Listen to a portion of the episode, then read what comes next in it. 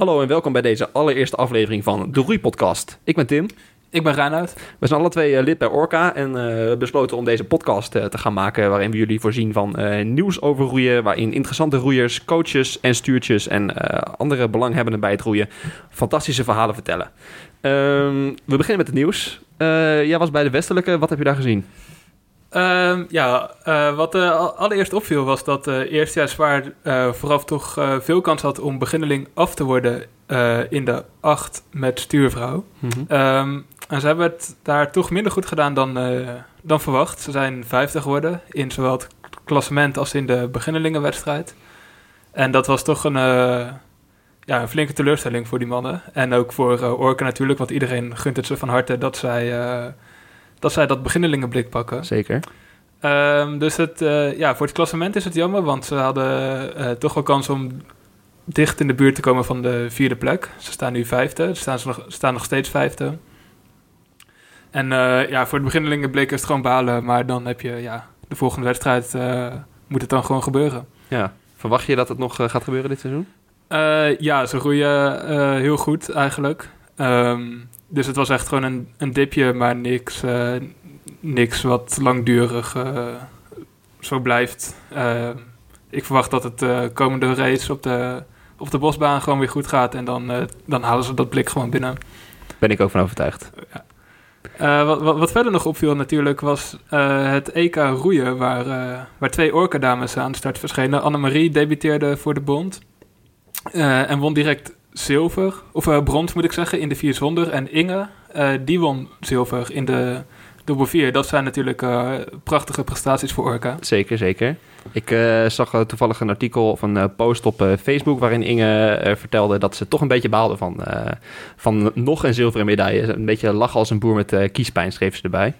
Ja, je, ze doet natuurlijk op de Olympische Spelen waar ze ook al zilver won. Zeker. En nu weer en twee keer heel dicht bij goud. Dat is natuurlijk uh, een zware dobber voor zo'n grote professionele sportvrouw. Maar ik denk dat wij als Orca alsnog heel trots kunnen zijn op, op Inge. Zeker, altijd. terug uit het interna internationale nieuws, terug bij de westelijke. We hebben Vincent daar gezien die het uh, beginlingenskif won. we hebben hem in deze aflevering even opgebeld en zo meteen verderop in de podcast hoor je zijn, hoor, hoor, je, hoor je zijn verhaal. Ja, ik uh, interview hem daar even over. En uh, ja, dat komt zo dus terug. Um, wat verder nog uh, in het roeinieuws is, is dat de roeiverenigingen Triton en Orca een loods eindelijk hebben gebouwd op een, op een nieuwe locatie in Viano. een nieuwe roeilocatie, omdat het huidige kanaal um, erg vol is geworden met de drie verenigingen die daar roeien. Viking ook nog in Utrecht. Plus alle pleziervaart en alle bouwplannen van de gemeente is het voor wedstrijdroeiers ja, steeds minder lekker roeiwater aan het worden. Dus hebben ze een loods gebouwd in, in Vianen.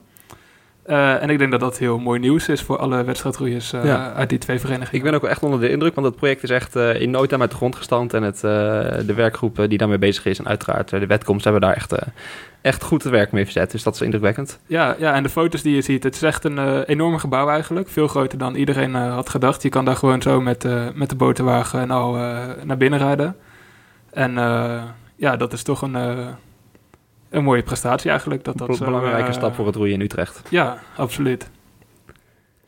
Um, verder kwamen wij op Facebook in de groep nog tegen een artikeltje van uh, Sjoerd... waarin hij zei uh, dat er de boegpraat voor coaches uh, geïntroduceerd moest worden... ter bevordering van de coachwaardering. Ja. Wat vind je daarvan?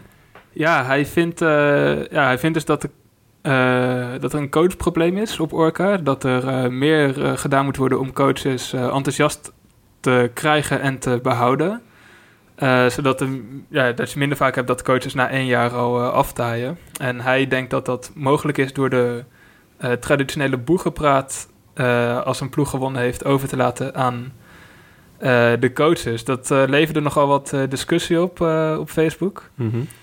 um, ja, wat ik er zelf van vind... Um, ik ben eigenlijk meer benieuwd wat jij ervan vindt als oude wedstrijdcoach. Denk jij dat, dat je hier meer... ja, waardering uit had uh, gekregen voor je gevoel.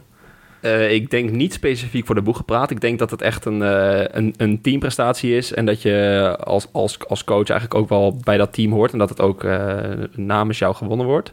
Maar dat de roeiers echt degene zijn die daar al, al hun energie in hun hele hebben en houden instoppen. En dat ze dat echt voor zichzelf doen. Dus ik denk dat de boegepraat gewoon voor roeiers moet blijven. En dat zij de heldhaftige verhalen hebben. En dat je vanaf de kant het toch ook niet zo ervaart. Ik ben heel benieuwd hoe jij je coaches gaat bedanken aan het einde van dit seizoen dat, daar ben ik zeker ook uh, benieuwd naar. Uh, verder in deze podcast hebben we... Uh, Vincent Gores over zijn blik op de westelijke. Nick Schumacher over zijn meest perfecte roeihaal en de weg daar naartoe. Jurgen Langehorst beantwoordt een vraag van een luisteraar. En we hebben Job Davidsen die met zijn serie over supplementen aftrapt met Way. Elke roeiwedstrijd interviewen we een roeier die een bijzonder blik heeft gewonnen. Vincent begon op Orca na een jaar competitieroeien in licht 2014. Na een aantal jaar in de middengroep geroeid te hebben, wist hij dit seizoen aan te sluiten bij het regionaal talentcentrum Midden-Nederland. Na zeven boordplekken gehaald te hebben, waarvan vier klasserend, wist Vincent afgelopen weekend beginneling af te worden uh, op de westelijke regatta in het lichte skifveld. Een zwaar veld met sterke concurrentie. Uh, Vincent, welkom in de uitzending en gefeliciteerd nog met zijn overwinning. Ja, dankjewel. Uh, hoe voelde deze overwinning voor jou? Um, ja, dat was toch wel een speciale, want het was voor mij net meer dan twee jaar geleden dat ik geblikt had. Ja. Dus ja, ik zat er wel een beetje naar te smachten, zeg maar. En het was een uh, bitsveld. Eigenlijk heb ik helemaal niet zo'n goede, goede race gevaren. Okay. maar dat maakte de opluchting op de streep des te groter, zeg maar. Ja, want uh, vertel eens over het veld, het lichte skifveld. Dat is een uh, zwaar veld, zeg je? Ja, ja dat is uh, meestal zo'n beginnelingenveld zou wel redelijk te doen moeten zijn als je voor de vierde jaar, ja, vierdejaars wedstrijdroeier bent. Ja. maar dit jaar zaten er nog vijfdejaars, achtstejaars, ja, gewoon hele, hele snelle jongens tussen. Ehm, ja, die het nog knap lastig gemaakt hebben. Maar jij hebt ze weten te verslaan? Ja, ja we kwamen met z'n drie over de duizend. Mhm. En tot 1500 lagen we nog redelijk bij elkaar. En toen dacht ik, ja, nou heb ik hem, want ik pak sprint. Want dat kom ik beter dan de rest en dat wist ik. En uh, ja, dat is ook wat er gebeurde. Oké, hartstikke mooi. Uh, kan je iets vertellen over de aanloop naar de race uh, in het grote geheel? Je, zei al dat je twee jaar geleden voor het laatst geblikt had. En uh, je had vorig jaar volgens mij een beetje een moeilijk seizoen. Kan je daar iets meer over vertellen? Um, ja, vorig jaar had ik inderdaad een seizoen dat niet helemaal liep zoals gepland. Ik zou eerst gaan tweeën met Okke. Maar toen raakte Okke geblesseerd. Dus dat, ja, dat was, ging niet meer. zijn seizoen was klaar.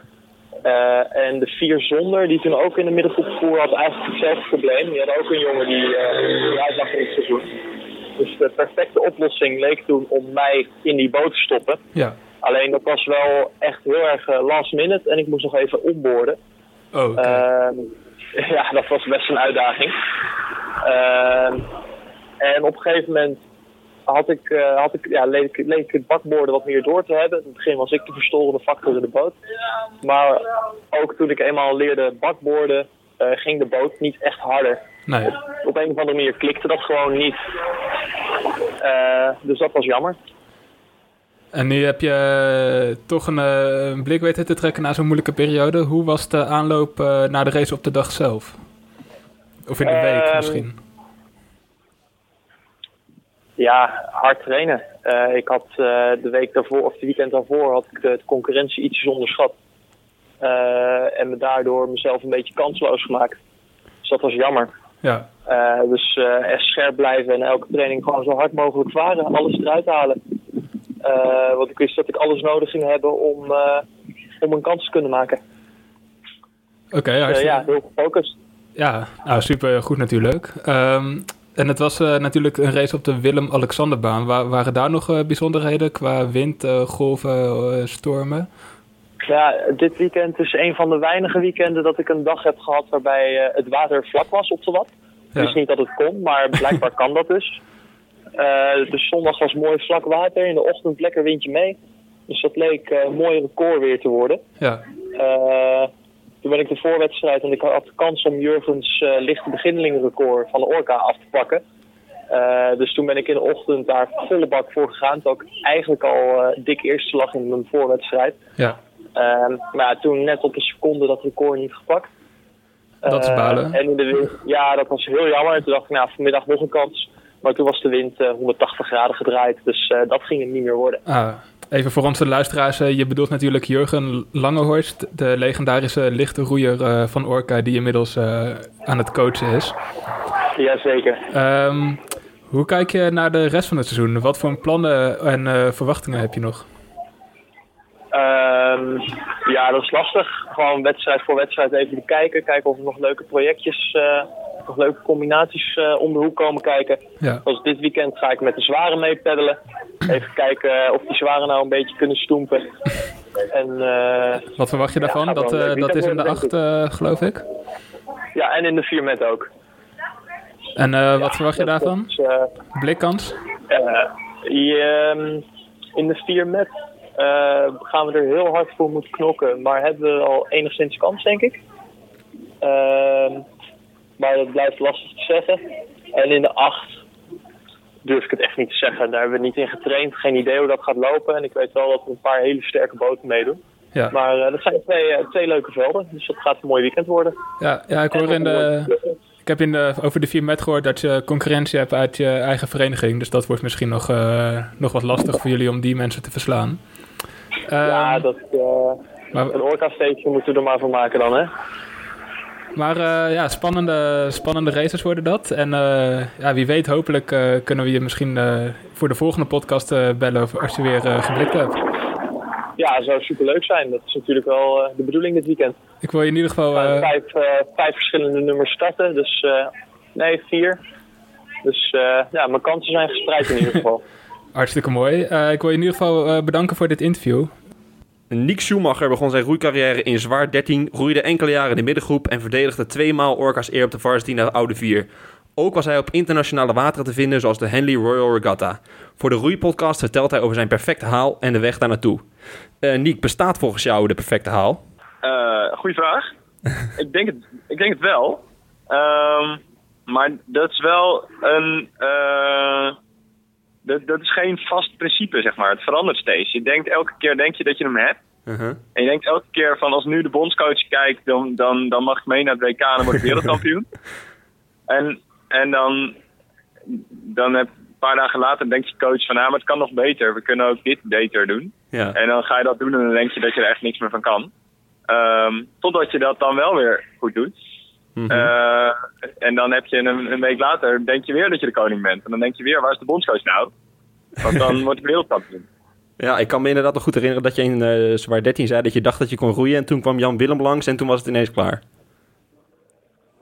Ja, nou dat, dat, die situatie is denk ik wel, komt wel bijna elke twee weken voor, denk ik. Oké, oké. Eh, dus niet dat ik elke keer dacht, maar ik weet toch wel heel goed dat ik in Sevilla, eh, toen ik op trainingskamp was in mijn vierde jaar, dat ik daar wel echt een aantal keer heb gedacht dat ik, dat ik de perfecte haal had. En dat is vooral omdat in een twee zonder voel je dat gewoon supergoed. Dan Mhm. voel je echt wat je doet en je doet het echt met z'n tweeën en er is gewoon echt een, een controle in de boot als het goed gaat. Ehm, maar ja, dan had Maarten weer iets bedacht wat we anders moesten doen. Dan moesten we wel druk achterin hebben, bijvoorbeeld. Mhm. En dan kom je er dan opeens achter dat het toch niet zo goed is. Ja, En dan is in, in retrospect is het dan uiteindelijk toch niet zo'n perfect haal als je dacht. ja, en je noemt druk achterin. Waar moet volgens jou de perfecte haal eh, aan voldoen?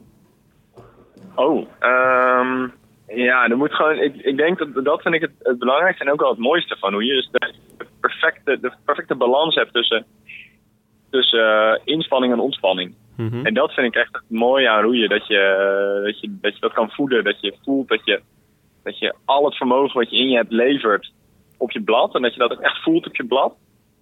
Maar dat je tegelijkertijd ja, gewoon eigenlijk zit te chillen.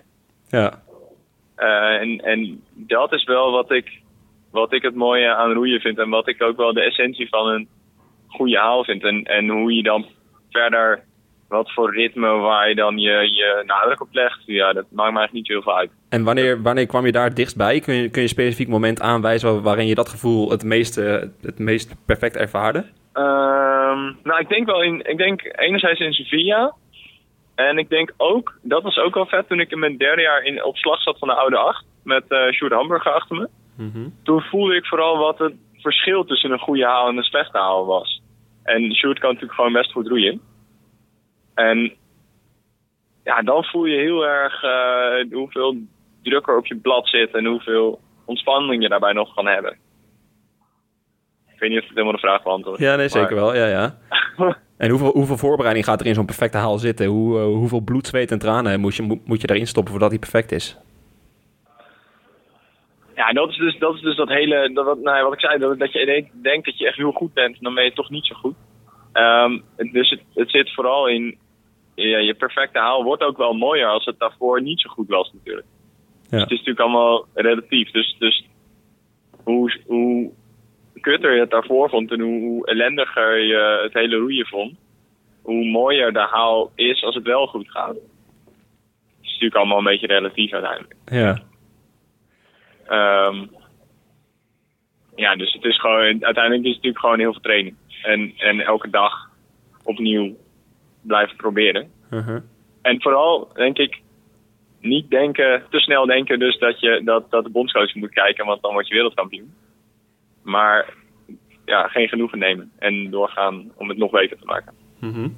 Je bent onlangs gestopt met roeien, dus je zult waarschijnlijk... Uh, de denk je nog dat je ooit nog je perfecte haal gaat verbeteren? Nee, nee. Die tijd heb je gehad? Nee, dat is ook wel, dat is ook wel het lastige, denk ik, nu aan. Ik roei nu niet zoveel meer. Ik was dus voor de varsity, deed ik er even mee. Um, maar het gaat nooit meer zo goed worden als het was. Maar het is natuurlijk ook weer een beetje relatief. Je kan wel weer even beginnen en dan denk je, oh, dit is niet zo goed. En dan even later wordt het wel weer beter. En dan voelt het wel weer als een hele goede haal. Uh, maar nee, dat is nu, vind ik wel het lastig aan nu nog roeien. Is dat het misschien wel een beetje leuk is, maar uiteindelijk voelt het gewoon het is een soort van onmacht. Want het is niet meer zo goed als het was. Ja, dankjewel. Dus wat dat betreft is het niet per se perfect om altijd de beste haal te maken. Want dan kan je hem dus nooit meer maken. Maar goed. dat, is, dat, is, dat is wel diepzinnig. Uh... Ja, dat is wel diepzinnig, hè? Ja, zeker. Ja, je moet, ja, maar aan de andere kant, als je dan gewoon ermee stopt en iets anders gaat doen, dan heb je voor altijd dat beeld van die allerbeste haal in je hoofd. Dus stop op je hoogtepunt is jouw advies. Ja, ja. Heb je dat zelf ook gedaan, vind je? Mm, niet qua roeihaal, maar wel qua races. Ja, Als in, ik roeide aan het eind in, in een 4 met en dat gaat niet zo heel erg over de perfecte roeihaal. Mm -hmm. um, maar daar heb ik wel vette races in gevaren. En Henley was wel een mooi eind van het hele avontuur. Hallo, ik ben uh, Wouter. Ik ben gebeld door uh, Reinoud en Tim om een uh, vraag te stellen. Uh, nou, de vraag die ik heb gaat eigenlijk over overtraindheid. Ik zie dat bij uh, bijvoorbeeld de clubacht en bij de lichten nog wel wat mensen overtraind zijn. Mijn vraag hierbij is, hoe zorg je ervoor dat je roeiers niet overtraind raken als coach? Uh, we hebben hier Jurgen Langhorst aan de lijn. hij is net al voorbijgekomen in het item met Vincent Gores over zijn beginnelingenblik op de westelijke. Jurgen is een legendarische lichte roeier, kan je wel zeggen, van de roeivereniging Orca. Je hebt zeven jaar volgens mij wedstrijd geroeid, klopt dat? Negen zelfs, of acht. Ne negen acht, zelfs? Denk ik. Acht okay. volgens mij. Een behoorlijke tijd in ieder geval. 2007 tot en met het jaar 2015. Ja, meer dan, uh, dan menig andere roeier in ieder geval. En je bent nu uh, de coach van de middengroep zware sectie van Orca. Um, en we hebben je bereid gevonden om even een korte vraag te stellen van een van onze luisteraars. Um, en de vraag luidt, uh, hoe kan je overtraindheid voorkomen bij roeiers? En die vraag komt eigenlijk voort omdat uh, verschillende uh, ploegen in Orca, met name de clubacht en de eerstejaars licht bijvoorbeeld, behoorlijk wat blessures hebben. Um, dus hoe kan je dat voorkomen in een wedstrijdseizoen? Ja, het is altijd heel lastig om het, om het 100% te voorkomen. Uh, ten eerste moet je weten wat logisch is dat uh, roeiers aan zouden moeten kunnen in een ideale situatie. Ja. Uh, hier zou ik altijd iets aan de onderkant gaan zitten, want het gevaar van te weinig trainen is minder hoog dan het gevaar van te veel trainen. Als je te weinig traint ben je misschien een procent minder fit en als je te veel traint dan raak je geblesseerd of overtraind en dan ben je een behoorlijk stuk van je fitheid kwijt. Ja. Um, dus dat. Je moet goed inzicht hebben in de persoonlijke situatie van roeiers. Dus weten wanneer ze tentamens hebben, of, ze, of, of er vriendinnetjes zijn met wie het uitgaat of slecht gaat. Eh, of ze tentamenstress hebben, moeilijke studies, eh, of ze hard moeten werken, problemen met hun ouders. Eigenlijk moet je zoveel mogelijk op de hoogte zijn. Ja. En hoe, Eh. hoe, hoe, doe je dat zelf als coach?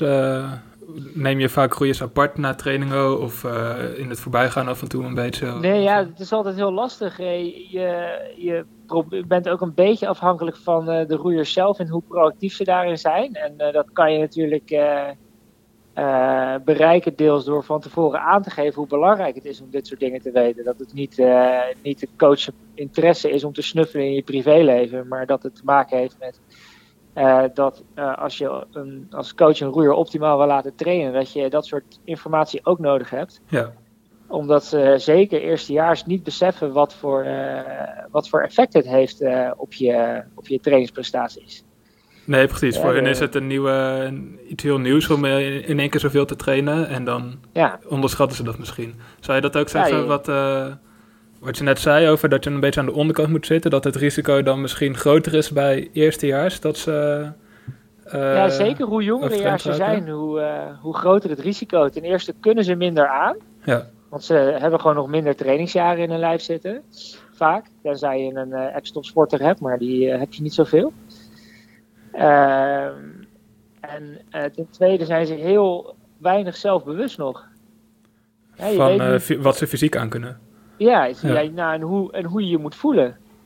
Want het is, eh, het is logisch dat je moe bent na trainingen. Dus je, je mag je best wel een beetje moe voelen. Maar hoe moe? Wanneer is het niet goed meer? Dat, dat soort signalen geven ze vaak pas aan als het echt heel zorgwekkend is. Als ze niet meer slapen en nergens meer zin in hebben, prikkelbaar zijn en eigenlijk al een beetje laat zijn. Ja, precies. En die hebben een aantal ploegen die gebruiken een, eh, een soort app of een website is het eigenlijk, waarin ze kunnen bijhouden hoeveel eh, ze slapen, wat hun rusthartslag is en, eh, en hoeveel ze wegen. Eh, hoe gebruik jij dat, die informatie als coach? Ja, het is eh, af en toe kijken of je, of je gekke dingen ziet. Het fijne van die app is dat het eh, dingen oplicht die raar zijn. Eh, soms is het ook niet zo ernstig, want dan staat er dat iemand heel veel geslapen heeft. Waar op Ja. zich prima is. Als het een keertje gebeurt. Maar een beetje in de gaten houden of er rare trends ontstaan. Een rustpols die langzamerhand omhoog kruipt. Of een gewicht wat sneller naar beneden gaat dan logisch is. Ja, Als in ongepland bij zware roeiers of bij meer dan een halve kilo per week bij eh, lichte roeiers. Eh, dat is eigenlijk allemaal eh, signalen waar je iets mee moet. En dan kan je dan eh, vragen van, eh, als iemand bijvoorbeeld veel afgevallen is, van eh, is er iets aan de hand? Eh, heb je geen honger meer? Of eh, train je heel hard? Of eh, was je van plan om af te vallen? Dat Ja. kan natuurlijk ook. Ja. Soms eh, worden zware roeiers lichter. Eh, niet meer dan een halve kilo per week, maar gewoon op een gezonde manier. Omdat ze bedacht hebben, nou, misschien ga ik er harder van roeien. Nou, dan is het op zich prima, maar dan weet je het wel. ja, precies. Dus om even samen te vatten, is het eh, belangrijk dat je als coach op de hoogte bent van het eh, wel en wee van je roeiers. Dat je weet wat ze aankunnen en dat je ook ehm, even in de gaten houdt hoe het met ze gaat in zowel fysiek als mentaal opzicht. En misschien nog wel het allerbelangrijkste is dat je de roeiers zelf leert om, eh, om dit te doen voor zichzelf. Ja, als je twintig roeiers hebt, dan zal je ze echt niet allemaal perfect in de gaten hebben. En uiteindelijk is het doel dat zij voor hunzelf, dat zij de allerbeste worden. ja, En jij bent alleen maar een beetje een hulp erbij. Maar hoe bewuster ze zelf zijn van hoe het gaat, hoe, eh, hoe beter ze ook kunnen trainen. ja. Nou, ik denk dat dit een, eh, een goed duidelijk antwoord is voor onze, eh, voor onze luisteraar die deze vraag gesteld heeft. Eh, dan wil ik nog één vraag. We, we hadden net namelijk een eh, interview met Vincent Gores. En die vertelde over zijn race waarin hij geblikt had. En dat hij, dat hij daarin nog wel een kans had om jouw lichte beginnelingen orca-record uit de boeken te roeien. En dat hij dat op één seconde gemist heeft. Heel vervelend. Ja, vind je dat vervelend? Hoe eh, heb je daar nog een beetje wel, naar ja. gekeken of dat, eh, hoe dat ging? Of, Ik, eh, ik, ik werd deels op de hoogte gehouden door mijn medecoach, Paul Peters. Oké, Die zei na, de, na de voorwedstrijd dat, dat mijn record weer een tijdje veilig was. ja. En toen heb ik rond een uur of vier smiddags nog een keertje gekeken of het nog een beetje snel weer was. En toen zag ik eigenlijk al dat alle tijden weer langzamer werden. Oké, dus dat is wel iets wat je nog een beetje in- de smies nee, houdt. ik, eh, ik, ik, heb, ik heb nog een paar orca records staan. Eh, en het is leuk om die, eh, zeker die in de, in de lagere velden zijn wel makkelijk om een beetje te behouden. Ja, nou, het nieuwelingenrecord kan je nooit meer kwijtraken natuurlijk. Die kan ik nooit meer kwijtraken. Eh lichte beginnelingenrecord sta ik ook wel weer een jaartje veilig. Want de enige twee skiffeurs eh, zijn Vincent en Vincent. En die zijn nu allebei beginneling af. Ja, het is toch wel leuk. Ik weet, het, het moment dat je zo'n record vaart, eh, ben je vaak wel trots dat, het, dat je zo snel bent gegaan. En hoe langer dat staat, hoe minder eh, toevallig het is. ja precies. Oké. Ja, dat nou, leuk? dan eh, gefeliciteerd dat je dat record in handen hebt gehouden. En, eh, Al- en voor Orca hoop ik ook wel dat het nog een keer uit de boeken geroeid wordt. Zeker. Ik gun het Vincent Goris ook ten zeerste om... zij heeft bijvoorbeeld wel mijn ergometer record, of mijn, het was geen record, maar mijn ergometer PR gepakt. Ja. En eh, dat vind ik in, in geen zin vervelend. Dat vind ik vooral leuk voor hem. Ja, precies. Oké. Eh, nou, dan wil ik je ook eh, namens Tim, die hier nog naast mij zit, hartstikke bedanken dat je Nou, graag gedaan. dit wilde doen. En ik zie je weer een keer op Orca, zo stel ik me voor. Ja, of op de bosbaan dit weekend. Dat zou ook wellicht kunnen. Heb jij net zoals Wouter een prangende vraag aan een roeicoach? Spreek de Roeipodcast voicemail in op 06 44 31 66 12. En wie weet beantwoordt een topcoach in de volgende aflevering jouw vraag. Job Davidsen roeit na een jaar de club achter te hebben gebeukt en met zwaar 16 de Nederlandse wateren te hebben veroverd in middengroep zwaar 17. Zijn beste vriend heet Body Fit en zijn kamer van 8 vierkante meter bestaat voornamelijk uit ton away. Job, eh, welkom in de Roeipodcast eh, studio. Hey, eh, welkom Tim. Dank je. Eh, waarom gebruiken roeiers relatief veel supplementen, denk je?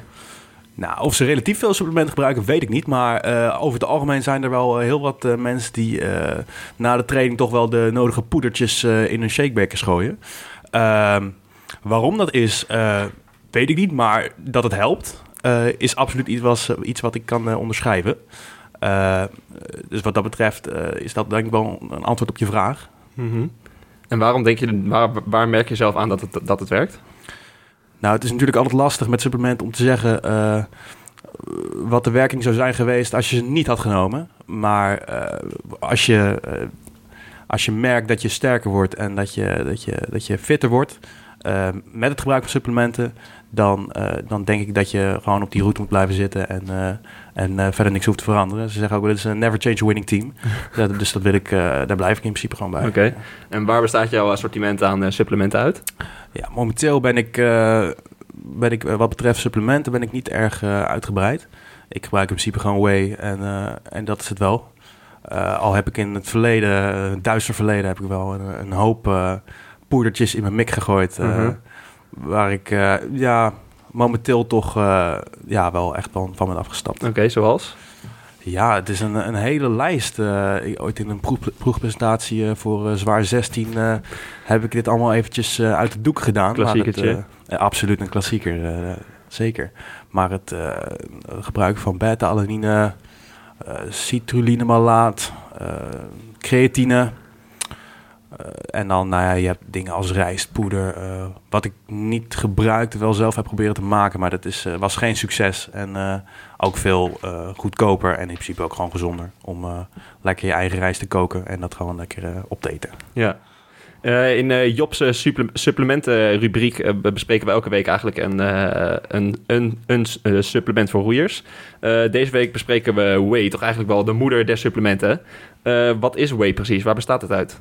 Ja, de, nou, in principe heb je natuurlijk heel veel, heel veel soorten. Nou ja, whey zou ik maar zeggen, als in de, de potten die je kunt kopen in de, in de winkel, online. waar je dan ook je, je inkopen doet. Maar de, de samenstelling eh, die verschilt wel, eh, wel erg veel per soort whey. Dus je hebt, eh, nou ja, je hebt gewoon dierlijke whey, tenminste wat, wat er dan op staat. Dus dat, dat is, nou ja, uit, uit melk komt, dat, komt het voort. Maar je hebt ook uit, uit, uit, ja, uit ja, groenten, dus plantaardige eiwitten. En soms zijn er wat, wat mixen gemaakt. Dus dan heb je, zo gezegd, weet ik, 20% eh, dierlijke eiwitten en, eh en 80% eh, plantaardige eiwitten. Of je hebt snelle eiwitten Ja. en langzame eiwitten. Dat, eh, je kunt het zo gek niet bedenken, maar eh, het is maar net wat je nodig hebt. Als je, als je erg veel aan het krachttrainen bent, is het eh, soms wel eens goed om gewoon direct na je training snelle eiwitten binnen te krijgen. En dan eh, kun je direct herstellen. Maar eh, ja, spreek je of je ja, maak je je spieren niet zo eh, extreem kapot, dan eh, kun je in principe ook best wel eh, een, een lage dosis, zo gezegd, snel eiwit binnennemen en dan, dan nog ietsje van de langzaam eiwit te nemen, zodat je over een langere periode een afgifte van eiwitten kan Ja. genieten. En dat, dat bevordert herstel natuurlijk. Ja. En wat is dan precies het doel van het gebruik van whey?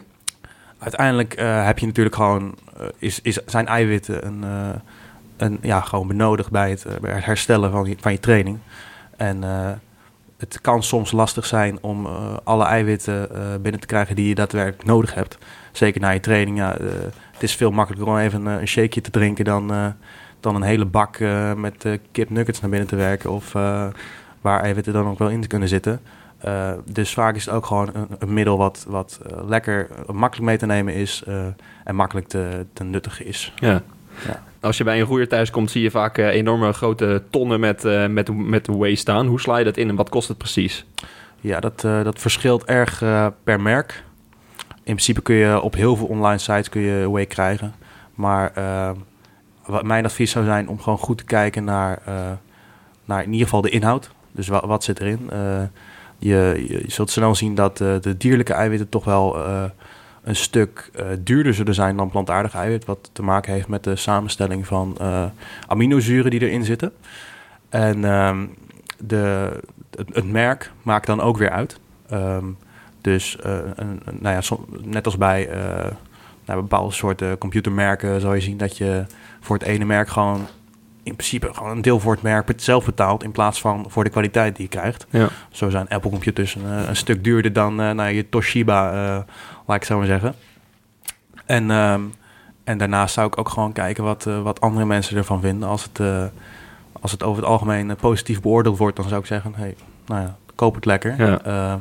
Maar zie je dat veel mensen zeggen, van, nou, het smaakt heel smerig of het, eh, het heeft absoluut niet gewerkt voor mij, dan eh, is dat ook vaak wel een goede maatstaf om, eh, om tegen jezelf te zeggen, nou, ik kijk wel even verder. Ja, en wat is jouw favoriet persoonlijk? En ook Mijn- qua smaak? Mijn favoriet persoonlijk qua smaak ook. Ja, ehm, ik ehm, kijk, mijn favoriet is in principe gewoon een, een whey die, die, die genoeg eiwitten bevat, procentueel, procentueel gezien, en goedkoop is. Eh, dus ik kijk altijd goed naar de verhoudingen. Ik heb momenteel eh, had ik een, eh, een aanbieding gekocht die ik nu gebruik van twee zakken, volgens mij van 2,5 kilo ongeveer per stuk. en samen voor een euro of 50, volgens mij.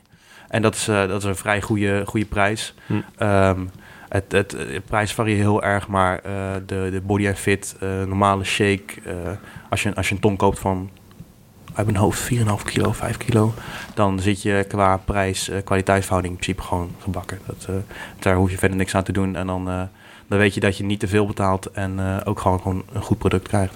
Ja. Eh, Job, dankjewel. Welk, eh, welk soort supplement eh, bespreken we de volgende podcast? De volgende podcast zullen we ons gaan focussen op een supplement dat niet vaak, niet extreem vaak gebruikt wordt door roeiers, maar toch ook wel, nog wel meer door krachtsporters. Maar creatine zullen we gaan bespreken. Ja. Ik ben benieuwd. Dankjewel. En met dit verhaal van Job zijn we alweer aan het einde gekomen van deze allereerste aflevering van de Roei Podcast. Laat even weten wat je ervan vond, of je nog goede ideeën hebt voor nieuwe verhalen. En abonneren op Soundcloud, zodat je nooit meer een aflevering van deze podcast mist. Tot de volgende keer.